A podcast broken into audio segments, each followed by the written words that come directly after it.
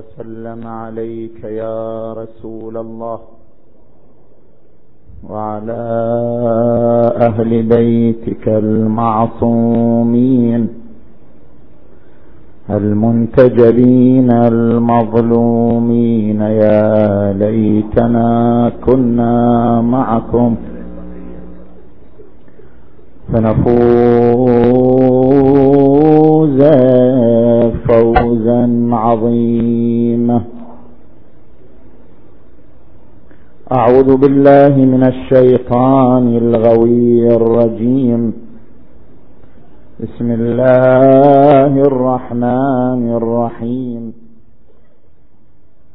ونريد أن نمن على الذين استضعفوا في الأرض.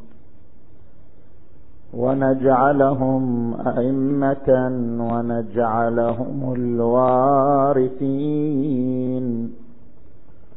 آمنا بالله صدق الله العلي العظيم.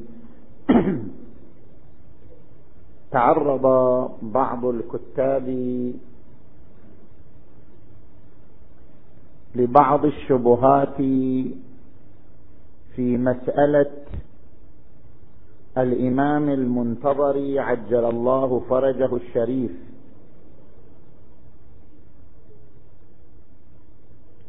ونحن نتعرض لأهم هذه الشبهات والإجابة عنها. الشبهة الأولى وهي تتضمن ثلاث فقرات.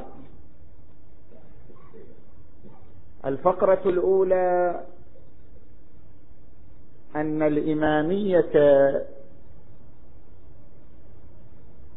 ومنهم الشهيد الإمام الصدر قدس سره اعتمدوا في إثبات ولادة الإمام المهدي عجل الله فرجه الشريف على روايات النواب الأربعة. العمري وابنه والحسين بن روح وعلي بن محمد السمري. وروايات هؤلاء لا يمكن الاعتماد عليها. لأنهم يجرون النار إلى قرصهم. يدعون ولادة الإمام والنيابة عنه كي يحصلوا على منصب الزعامة عند الشيعة وكي يأخذوا أموال الشيعة بعنوان أنه حق الإمام عليه السلام. فدعواهم أن هناك إماما وأنهم نواب عنه لا يعتمد عليها لأنها دعوى مريبة وموطن للتهمة. الفقرة الثانية من هذه الشبهة أن هناك بعض الروايات التي اعتمد عليها الشيخ المجلسي صاحب البحار صاحب البحار أعلى الله مقامه.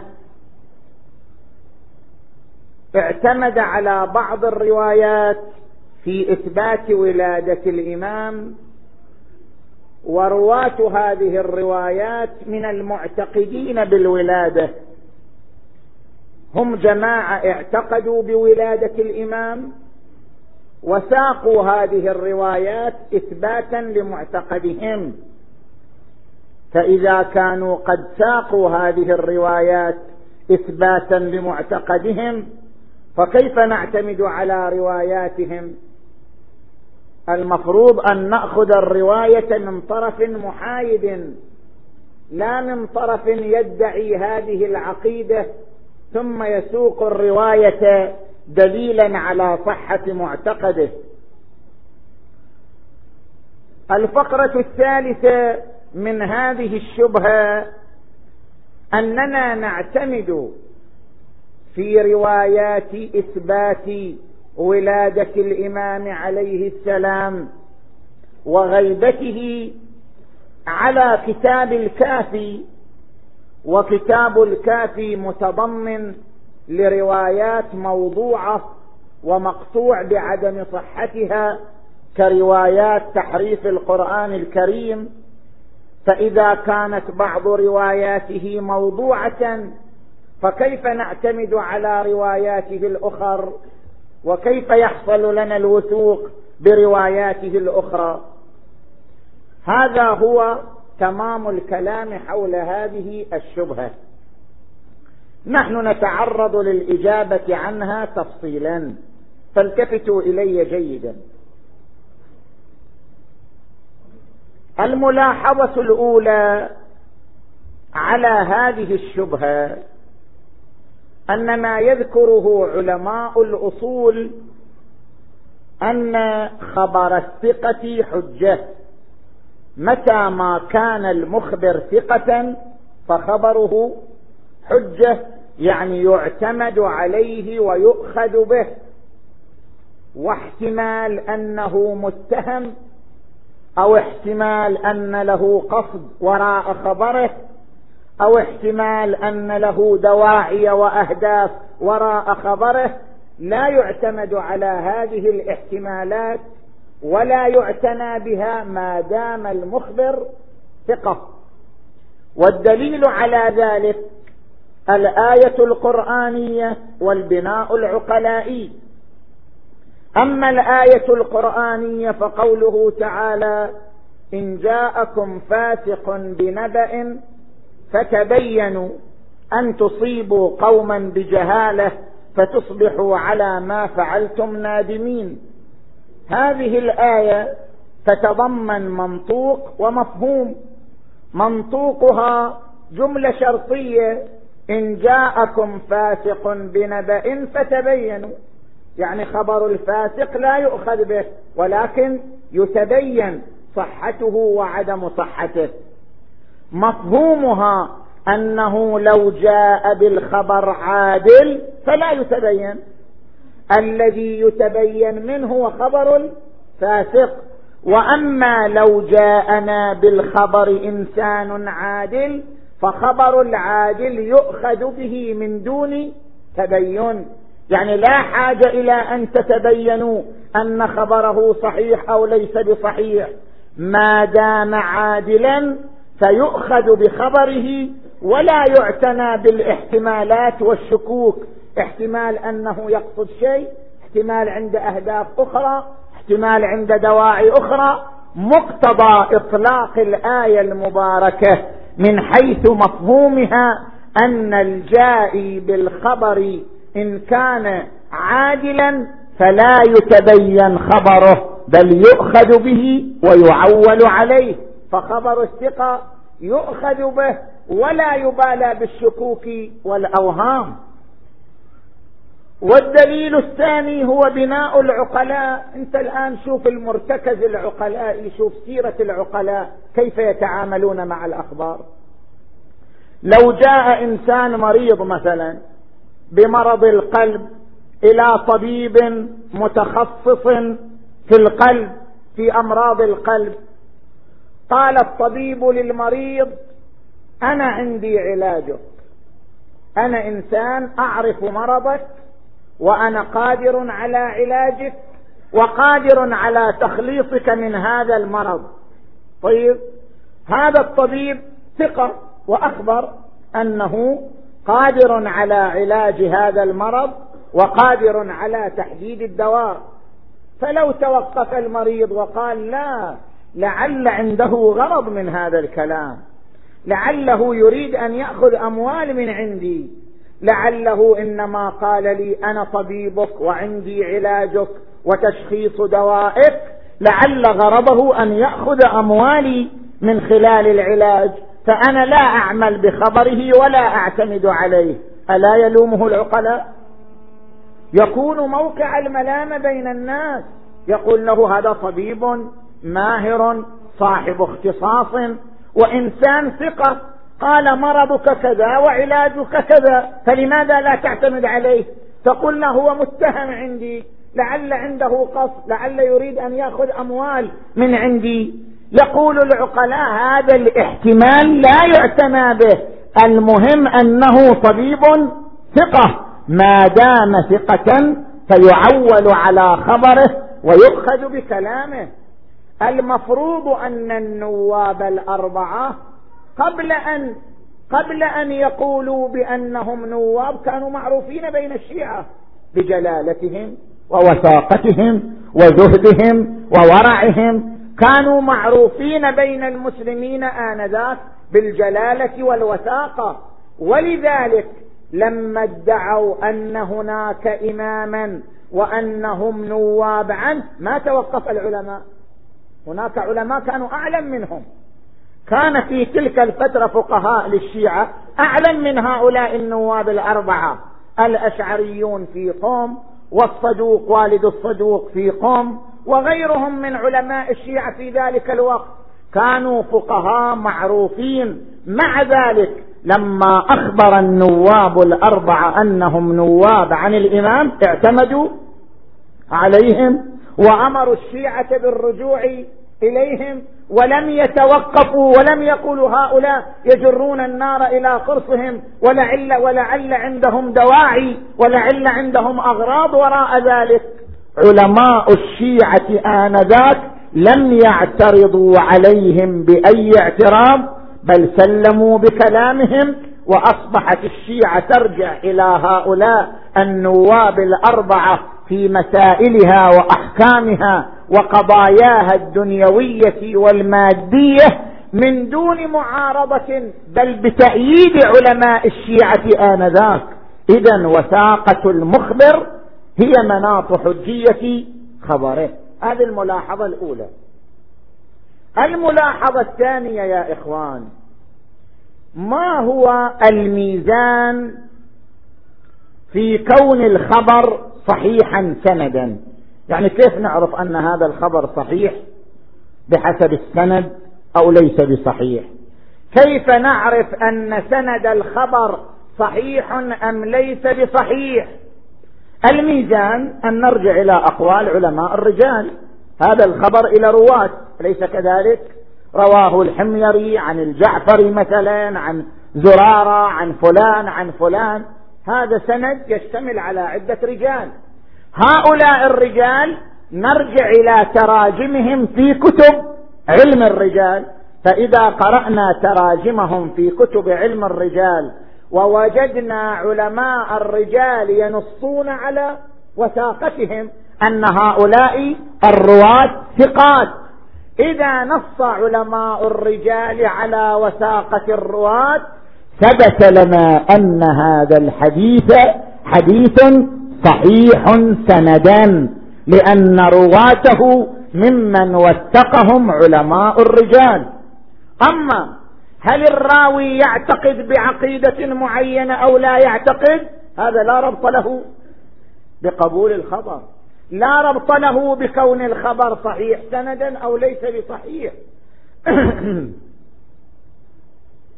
إذا اعتقد مثلا بعض الرواة بعقيدة معينة ثم أخبرنا بخبر يؤيد عقيدته ويدل على صحة عقيدته.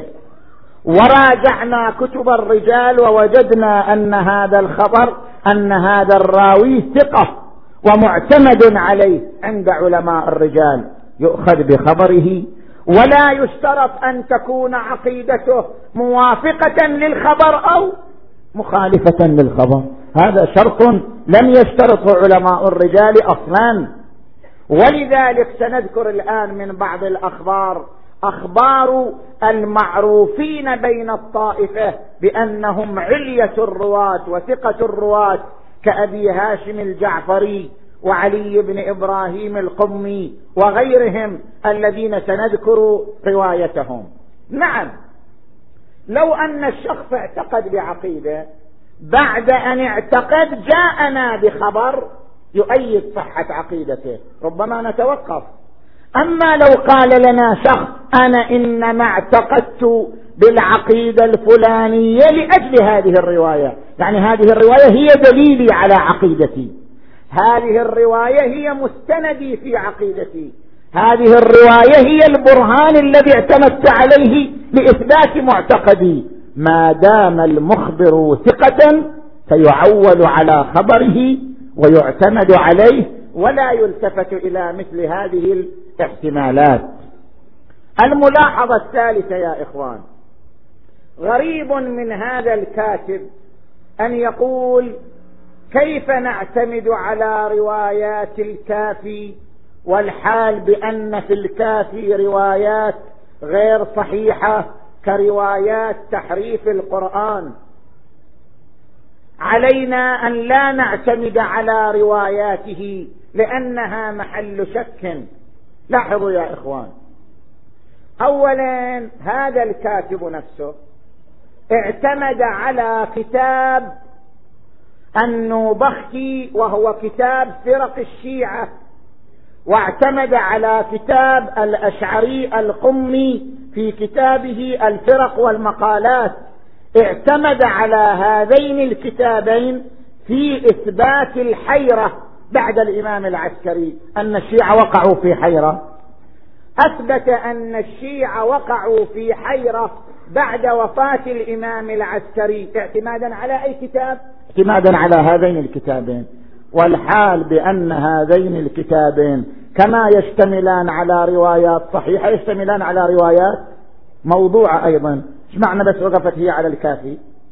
أنت الآن اعتمدت على كتاب الفرق للنوبختي واعتمدت على كتاب الفرق والمقالات للأشعري القمي وهما كالكافي. فيهما روايات صحيحة وفيهما روايات غير صحيحة. فيهما روايات مطابقة للواقع فيهما روايات مخالفة للواقع. ومع ذلك أنت اعتمدت عليهما في إثبات وقوع حيرة عند الشيعة بعد وفاة الإمام العسكري. فكيف صح لك أن تعتمد على كتاب فيه قسمين من الروايات؟ روايات صحيحة وروايات غير صحيحة. كيف صح لك ذلك؟ وثانيا لا يشترط في الاعتماد على الكتاب أن تكون جميع رواياته صحيحة. لأن إحنا ما نعتمد على الكتاب نعتمد على الرواية نفسها. كل رواية رواية نأخذها بمفردها. ما يهمنا في هذا الكتاب ما هو. نأخذ الرواية نقرأ سندها نتابع سندها في كتب الرجال. إذا كان سندها موثقا في كتب الرجال أخذنا بها وإلا فلا. أما وجود روايات غير صحيحة في نفس الكتاب فليكن. ما دامت هذه الروايات معتبرة وموثقة في كتب علم الرجال نعتمد عليها. وإلا فعلى كلام الكاتب لا يبقى كتاب من كتب المسلمين يؤخذ منه حديث واحد. بعد ما عندنا كتاب صح لا؟ لأن جميع كتب المسلمين كما تشتمل على روايات صحيحة تشتمل على روايات موضوعة أو مقطوع بعدم صحتها فمن أين يأخذ الكافي أحكام؟ فمن أين يأخذ الكاتب أحكامه الشرعية؟ من أين؟ أحكام الصلاة أحكام الصيام أحكام الحج أحكام الزكاة من أين يأخذها؟ ألا يأخذها من الكتب من كتب الحديث؟ فكتب الحديث تشتمل على روايات موضوعة كل كتب الحديث تشتمل على روايات موضوعة وغير صحيحة. كيف يعتمد عليها في أخذ الأحكام الشرعية مع اشتمالها على قسم من الروايات الغير صحيحة؟ كيف يعتمد عليها؟ وأنا الآن أذكر لك الكتاب الذي اعتمد عليه. شوف لاحظ هو اعتمد على كتاب النوبختي نفسه. النوبختي ذكر أنه وقعت حيرة بين الشيعة بعد وفاة الإمام العسكري وأخذ منها الكلمة وسجلها نقطة شنو؟ نقطة اتهام. أخذ هذه الكلمة من النوبختي وسجلها كدليل على عدم التصديق بولادة الإمام المهدي وغيبته. بينما النوبختي نفسه التفت لي التفت لي. يقول صفحة 111 من نفس الكتاب قد رويت أخبار كثيرة أن القائم خفي على الناس. يعني القائم موجود لكنه خفي على الناس. وأنه لا يعرف إلا أنه لا يقوم حتى يظهر. ويعرف أنه إمام ابن إمام وصي ابن وصي يؤتم به قبل أن يقوم. ومع ذلك فيعلم أمره وأمر ثقاته وثقات أبيه. لئلا ينقطع من عقب الحسن بن علي عليه السلام ما اتصلت به أمور الله عز وجل ولا ترجع إلى الإخوة يعني ما ترجع إلى إخوة الحسن بل ترجع إلى عقبه. فهذا نفس أنه بختي يصرح أن هناك شنو؟ نفس الكتاب اللي اعتمد عليه. يصرح أن هناك أخبار كثيرة تدل على ولادة الإمام وأنه خفي أمره وأنه لا يظهر إلا إذا عرف أنه إمام ابن إمام. هذه ما اخذ بها تركها على جانب. أخذ وين؟ أن النوبختي يقول وقعت حيرة.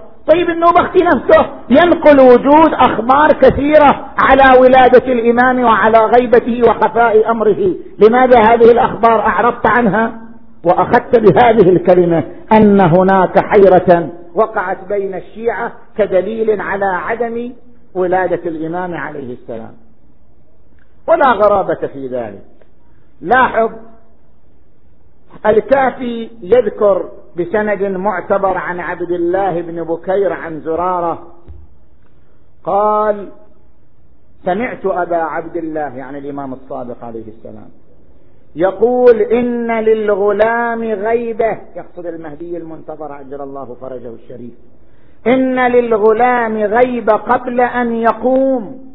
قلت لم؟ قال يخاف على نفسه. ثم قال يا زرارة وهو المنتظر الذي يشك في ولادته. الإمام يخبر عما يجري في المستقبل أنه سيقع شك في ولادته.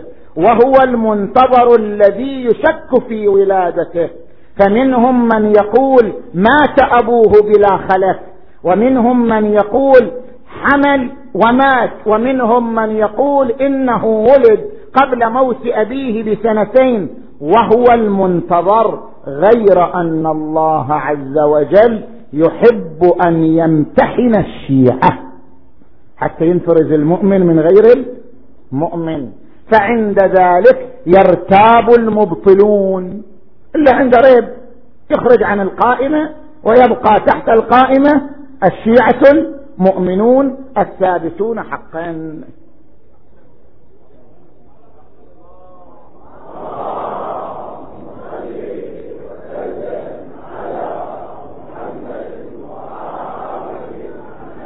الملاحظة الرابعة وهي المهمة. ركزوا معي. أنا الآن أقيم لك أدلة كافية ووافية على ولادته وعلى وجوده عجل الله تعالى فرجه الشيء العقلاء إذا بحثوا عن وجود شخص كيف ثبت وجوده؟ يعني مثلا الآن إحنا ما ندري هل ولد للنبي ولد اسمه إبراهيم أو لا. مثلا لا ندري أن هناك ولدا للنبي صلى الله عليه وآله اسمه إبراهيم أو ليس له. كيف نثبت ذلك؟ ما هي الطرق لإثبات أن هناك ولد اسمه إبراهيم؟ ما هي الطرق؟ الطريق الأول أن يخبرنا من رآه. اللي شافه يقول نعم رأيت ولدا للنبي اسمه إبراهيم. ويكون إخبار من رآه إذا كان المخبر ثقة دليلا على وجوده. الطريق الثاني علماء الأنساب. طيب علماء الأنساب شو شغلهم؟ علماء الأنساب إذا ترجموا للنبي وذكروا أن من أولاده إبراهيم. عرفنا أن هناك ولدا له يقال له إبراهيم لأن علماء التراجم والأنساب نصوا على ذلك. الطريق الثالث اعتراف من ينكر أو اعتراف من يخاصمنا بالموضوع.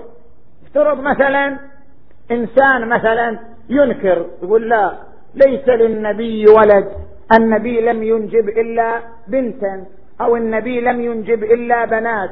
زين؟ إحنا نقول له لا كان له ولد اسمه إبراهيم مات في زمان أبيه. إذا رأينا في ثنايا كلام هذا الشخص المنكر اعتراف بوجود إبراهيم من حيث لا يشعر. أخذنا به كإقرار عليه. إذا رأينا في كلامه تعريفا أو اعترافا وإقرارا بوجود إبراهيم ساقه من حيث لا يشعر أخذنا به كحجة ضده. هذه الطرق كلها مشتملة ومجتمعة تثبت ولادة الإمام عليه السلام. الآن أقرأ لك هذه الطرق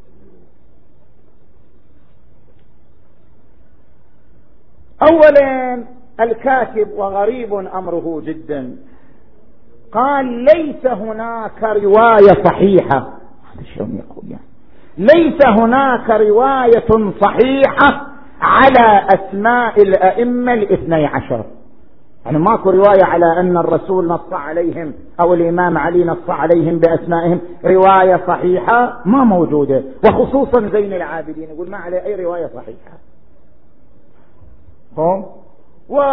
وروايات كثيرة يمكن لكم أن ترجعوا إليها في كتاب الكافي وكتاب إكمال الدين للصدوق. نحن نذكر هذه الرواية. الصدوق روى بإسناد صحيح عن عبد الله بن جندب عن موسى بن جعفر. لاحظ هذه الرواية؟ هذا فيها تعليم تعليم من قبل الإمام موسى بن جعفر للشيعة الإمامية. عن الإمام موسى أنه قال تقول في سجدة الشكر. يعني إذا سجدت تقول في سجدة الشكر. هذا قال الإمام موسى بن جعفر قبل أن يولد. الإمام المنتظر وأبوه وجده. هذا قاله. تقول في سجدة الشكر اللهم إني أشهدك وأشهد ملائكتك وأنبياءك ورسلك وجميع خلقك أنك أنت الله ربي. والإسلام ديني ومحمدا نبيي وعليا والحسن والحسين وعلي بن الحسين ومحمد بن علي وجعفر بن محمد وموسى بن جعفر وعلي بن موسى ومحمد بن علي وعلي بن محمد والحسن بن علي والحجة بن الحسن أئمتي.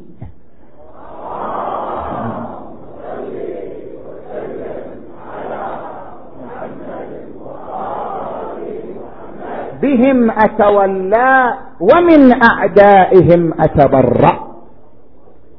ذكره صاحب الوسائل في الجزء السابع صفحة الخامسة عشر. زين. نجي الآن إلى الطرق لإثبات ولادة الإمام ووجوده. الطريق الأول كما قلنا إخبار من رآه. من رآه؟ إذا كان مخبر ثقة يؤخذ به.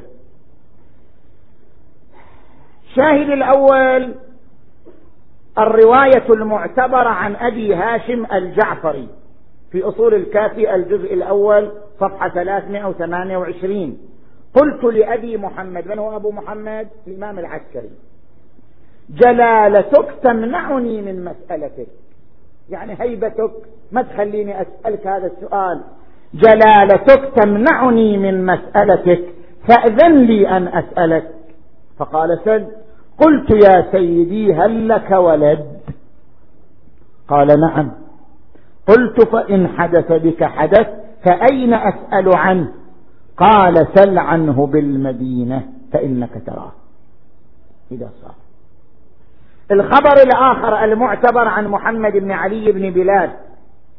أيضا في أصول الكافي الجزء الأول صفحة 328 باب 76 قال خرج إلي من أبي محمد هذا وكيل من وكلاء الإمام. خرج إلي من أبي محمد قبل مضيه يعني قبل وفاته بسنتين يخبرني بالخلف من بعده.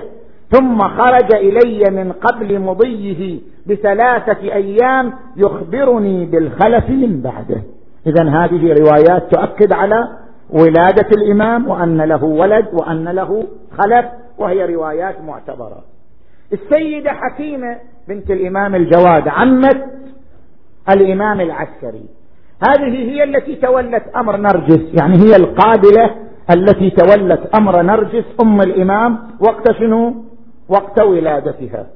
أخبرتنا برؤية الإمام عليه السلام وأنها هي التي ولدت وليت أمر ولادته وأنها رأته بعد ولادته مرارا راجع كمال الدين للشيخ الصدوق. الجزء الثاني صفحة 424 وأصول الكافي الجزء الأول صفحة 330 باب سبعة وسبعين حديث ثلاثة. ترى هذا الأمر. من الروايات أيضا. عبد الله بن جعفر الحميري قال اجتمعت أنا والشيخ أبو عمرو يعني محمد بن عثمان رحمه الله عند أحمد بن إسحاق فغمزني أحمد. قال يسأله اسأل الشيخ أبو عمرو. اسأله عن الخلف فقلت له يا أبا عمرو أريد أن أسألك عن شيء وما أنا بشاك فيه وإنما أريد أن أسألك عن إلى أن قال. سل. فقلت له أنت رأيت الخلف؟ رأيت الإمام بنفسك؟ من بعد أبي محمد عليه السلام فقال إي والله ورقبته مثل ذا وأشار إلى عنقه. قال يعني رأيت عنقه كهذا العنق وصف طريقة عنقه. هذه الرواية يرويها هذه الرواية يرويها أصول الكافي الجزء الأول صفحة 329 أيضا الشيخ الصدوق بسند صحيح يروي عن الحميري قلت لمحمد بن عثمان العمري رضي الله عنه أسألك سؤال إبراهيم جل جلاله أسألك سؤال إبراهيم لربه جل جلاله حين قال رب أرني كيف تحيي الموتى؟ قال أولم تؤمن؟ قال بلى ولكن ليطمئن قلبي أسألك عن صاحب هذا الأمر هل رأيته؟ قال نعم وله رقبة مثل ذي. وأشار بيده إلى عنقه. إذا هذا هو الدليل الأول والطريق الأول وهو إخبار من رآه. إخبار من رآه دليل على ولادته ووجوده. الطريق الثاني علماء النسب. علماء النسب هم أخبار هم أهل الخبرة في مجالهم. يعني مثلا أضرب لك مثال. إحنا الآن مثلا إذا اختلفنا اكو كهف لاصحاب الكهف في دمشق أو لا؟ مثلا وقع الخلاف ان في دمشق هل يوجد كهف لاصحاب الكهف أو لا؟ كيف نثبت ذلك؟ بالرجوع إلى علماء الاثار ليس كذلك؟ علماء الاثار أهل اختصاص. فاذا شهد علماء الاثار قالوا نعم ما يوجد في دمشق من الكهف هو الكهف المنتسب لأصحاب الكهف. ألا يعتمد على كلامهم؟ طبعا يعتمد على كلامهم لأنهم أهل اختصاص بهذا الأمر. كما نرجع للأطباء في مجال اختصاصهم نرجع للمهندسين في مجال اختصاصهم نرجع لعلماء الآثار في مجال اختصاصهم نرجع لعلماء الأنساب في مجال اختصاصهم. علماء الأنساب ماذا يقولون هذا مجال اختصاصهم؟ أن السابع أبو نصر سهل بن عبد الله البخاري من أعلام القرن الرابع الهجري وهو من أشهر علماء النسب المعاصرين للغيبة للغيبة الصورة غيبة الإمام قال في كتابه سر السلسلة العلوية صفحة 39 قال بأن الإمام بأن الإمام العسكري عليه السلام ولد ولدا وهو محمد وهو الحجة. هذا خب ليس من الشيعة وهو من علماء الأنساب المعروفين. ذكر هذا في كتابه. راجع سر السلسلة العلوية صفحة 39 كما قلنا. الثاني العمري السيد العمري من من العلماء الأنساب ومن أعلام ومن أعلام القرن الخامس الهجري. في كتابه المجدي في أنساب الطالبيين صفحة 130 قال مات أبو محمد يعني الإمام العسكري. وولده محمد من نرجس معلوم عند أصحابه وثقات أهله وسنذكر حال ولادته والأخبار التي سمعناها بذلك. هذا ينص على وجوده. راجع الفخر الرازي الشافعي المتوفى سنة 606 هجرية. قال في كتابه الشجرة المباركة في أنساب الطالبية صفحة 78 تحت عنوان أولاد العسكري. قال أما الحسن العسكري فله ابنان وبنتان. الابنان أحدهما صاحب الزمان محمد عجل الله فرجه. والثاني موسى درج في حياة أبيه درج يعني شنو؟ مات في حياة أبيه ولم يبقى وذكر البنتين بعد ذلك.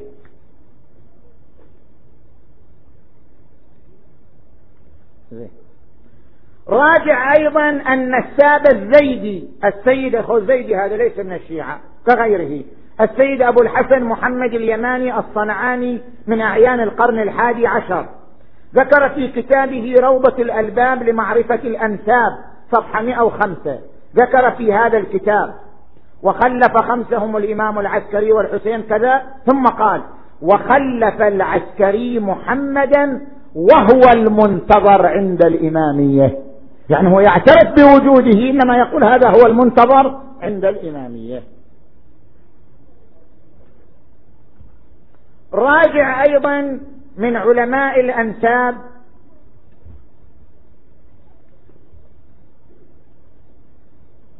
أنا أنتقل إلى ما بعده.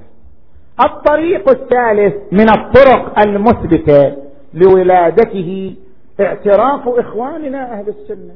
إحنا ما وجدنا أصلا إلى الآن لو تتبع الكتب ما في عالم من علماء إخواننا أهل السنة. ما نذكر ذول اللي جايين هالسنة ولا ما ما ما ما, ننشغل فيهم إحنا.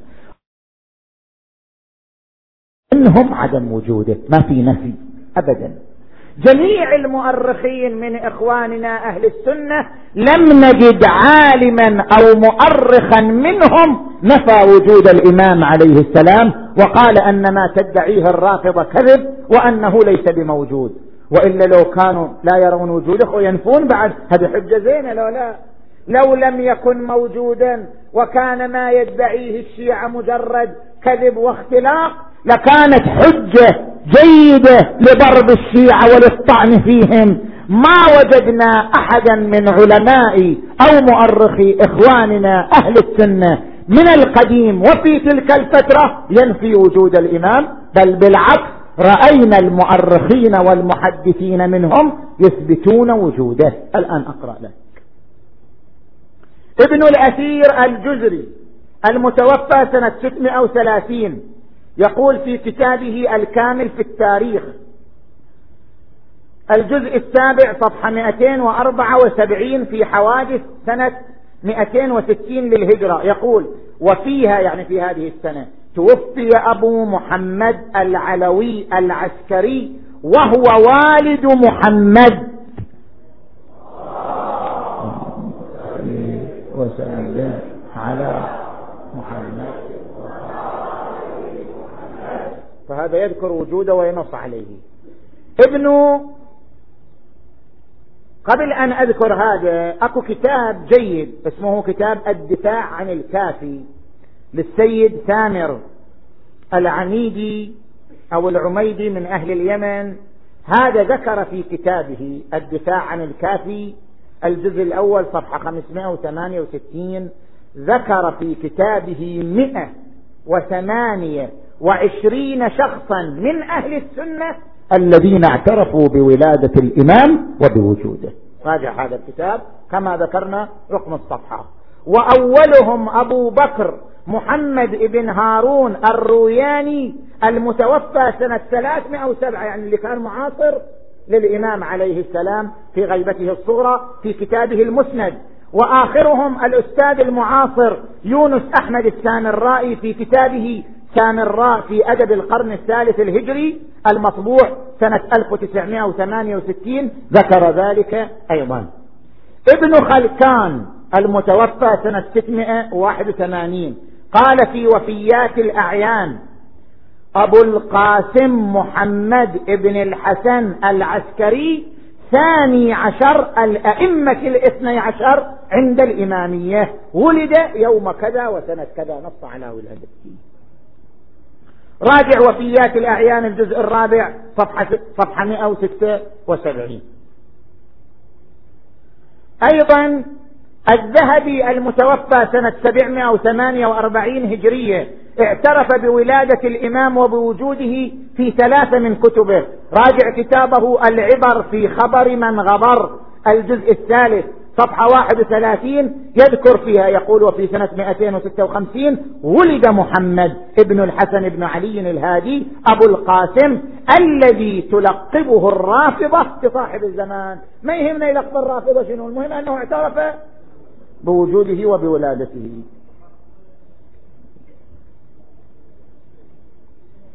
ابن الوردي المتوفى سنة 749 في كتابه تاريخ ابن الوردي نقل عنه الشبلنجي الشافعي في نور الأبصار صفحة 186 أيضا قال ولد محمد بن الحسن الخالق سنة 55 و200 أحمد بن حجر الهيثمي الشافعي المتوفى سنة 974 للهجرة في كتابه الصواعق المحرقة الطبعة الأولى صفحة 207 في آخر الفصل الثالث من الباب الحادي عشر قال أبو محمد الحسن الخالص ابن العسكري ولد سنة كذا وذكره.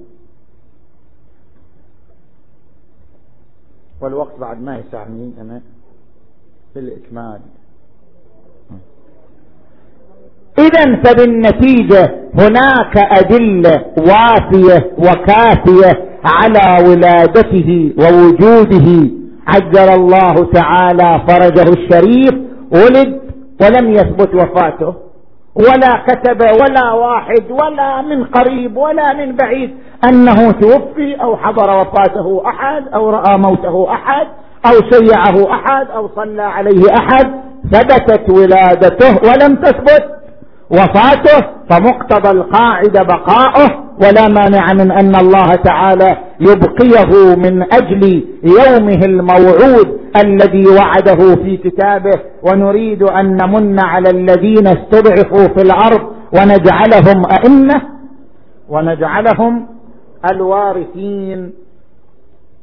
وقد ذكر العلماء منهم ابن الجوزي في تذكرة الخواص وابن حجر في الصواعق المحرقة أنه لا غرابة في ذلك فإن عيسى ابن مريم والخضر ما زالا حيين وباقيين وسيخرجهما الله في يوم موعود فإذا جاز لله أن يبقي عيسى ابن مريم وأن يبقي الخبر ليوم موعود فجاز أن يبقي الإمام المنتظر عجل الله فرجه الشريف.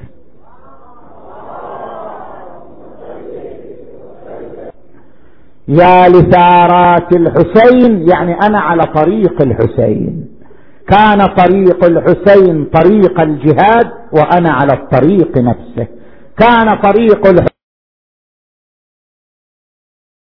الحسين طريق الدفاع والنضال دون المبادئ والعقيدة وأنا على الطريق نفسه وعلى الخط نفسه. الإمام المنتظر. الإمام المنتظر الذي يقول يا لثارات الحسين هو بنفسه يواظب على زيارة الحسين. هو بنفسه يواظب على زيارة جده الحسين. وهو الذي يقف على قبره الشريف ويقول يا جداه يا أبا عبد الله. الحسين عليه السلام خرج من مكة إلى كربلاء وبينما هو يسير وإذا بفرسه قد وقف أراد أن يحركه فلم يتحرك صعد فرسا ثانيا وثالثا ورابعا فلم تتحرك سأل أصحابه ما اسم هذه الأرض؟ قالوا تسمى نينوى قال هل لها اسم غير هذا؟ قالوا تسمى وادي الفرات. قال هل لها اسم غير هذا؟ قالوا تسمى كربلاء. فحينئذ تنفس الصعداء وقال انزلوا انزلوا. ها هنا ها هنا محط رحالنا. ها هنا تقتل رجالنا. ها هنا تذبح أطفالنا. ها هنا تحرق خيامنا. يا زينب يا سكينة اسمعنا هذا النداء. ها هنا يصعد الشمر على صدري. ويضع سيفه في نحري. ثم أنزل القوم وطنب خيامه بأبي وأمي. نزلوا خيموا بتلك بتلك البقعة. وما هي إلا أيام وإذا الجيوش قد أحاطت بهم. من كل ناحية ومكان سدوا عليهم الفضاء بكثرة الجنود والمقاتلين. خرجت العقيله زينب صارت كلما رمت بطرفها رأت الجيوش واقفة. أحدقوا بهم أحدقوا بالخيام أحدقوا بالفرات أقبلت إلى الحسين ابن أمي. ابن أمي أرى الجيوش احاطت بنا من كل جهة. يقول ملا علي بن فايز ها شافت العسكر وأصبحت زينب حزينة. نادت على العباس. يا حامي الضعينة شورع لوالينا يردنا أنا مرتابة من القضية ها. شورع لوالينا يردنا للمدينة. قبل المسا يمشي وقبل ما يهود الليل. جاوبها أبو فاضل يقبل أبو فاضل؟ قالها أنا ما أقدر اتقدم لأخوي حسين. بالشور والأرض هذه كربلاء والشهر. عاشور فوز شهادة ومرجلة ونور. على نور اليوم يوم المرجلة وعز الرجاجيل. خوفي يقول حسين ما شاروا علي إلا من الذلة وخوفي من المنية. وأنا اخوش اليوم جيدوم السرية. الموت ما هذا ولا خيالة الخير. قالت عرفت بالحرام. يا أخوي وافي. بل هل تهيجين ولا يديش بقلبك الخاف ما يروعني طعن الرماح وضرب الف بس اطلب من الله يسلم لي. نحمل على العسكر وذكرهم أبوه. قالت عرفك بالحرام. يا أخوي وافي. وقطع الذنب هذا الذي منا مخا اليوم ابن عزة وبعد كام. مدري شوافي. يا أهل يرد الخيل لا هجمت عليه. يا رسول الله لو عاينتهم وهم ما بئن يا الله بحق الحسين الوجيه وجده وأبيه وأمه وأخيه والتسعة المعصومين من بنيه تقبل أعمالنا يا الله واشف مرضانا ومرضى المؤمنين والمؤمنات اقض حوائجنا وحوائجهم. وفقنا والمؤسسين والمؤمنين والمؤمنات لما تحب وترضى. وارحم أمواتنا وأمواتهم وإلى أرواح أموات الجميع. بلغ ثواب الفاتحة قبلها الصلوات.